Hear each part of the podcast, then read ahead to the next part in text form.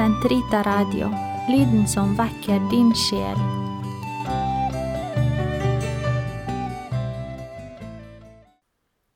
Den katolske kirkes katekisme, uke åtte, tirsdag, paragraf 144 til 149. Første artikkel Jeg tror. Troens lydighet. Å adlyde, latin ob audire, i tro er i frihet å underkaste seg det ord som har lyd, fordi sannheten i det borges for av Gud, som er sannheten selv. Abraham er den modell på lydighet som Skriften holder frem for oss. Jomfru Maria er lydighetens fullkomne fullbyrdelse. Abraham, alle troendes far.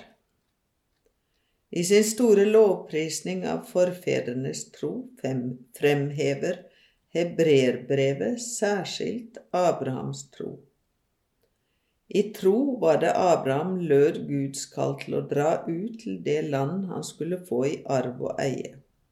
Han dro av sted uten å vite hvor han kom hen.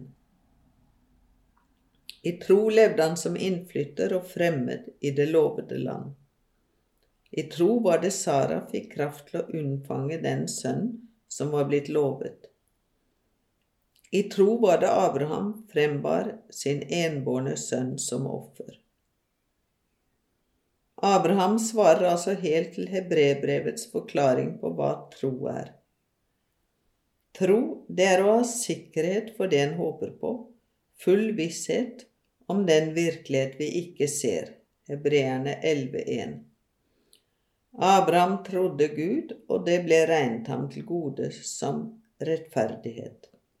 Takket være at Abraham ble styrket i sin tro, ble han far til alle dem som kommer til tro.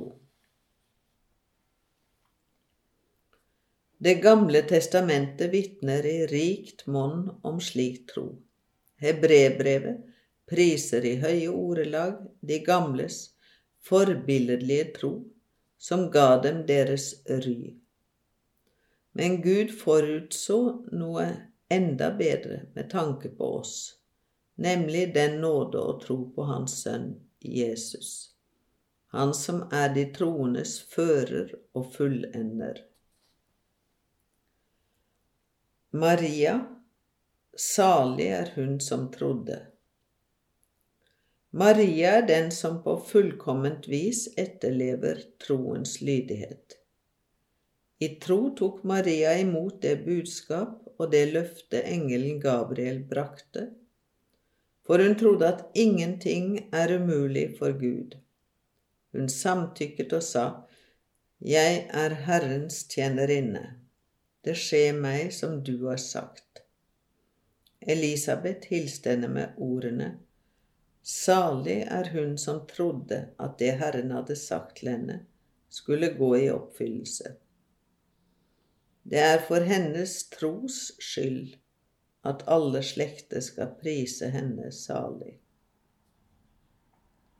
Marias tro vaklet aldri livet igjennom, og det like inn i den siste prøvelse, da hennes sønn Jesus døde på korset.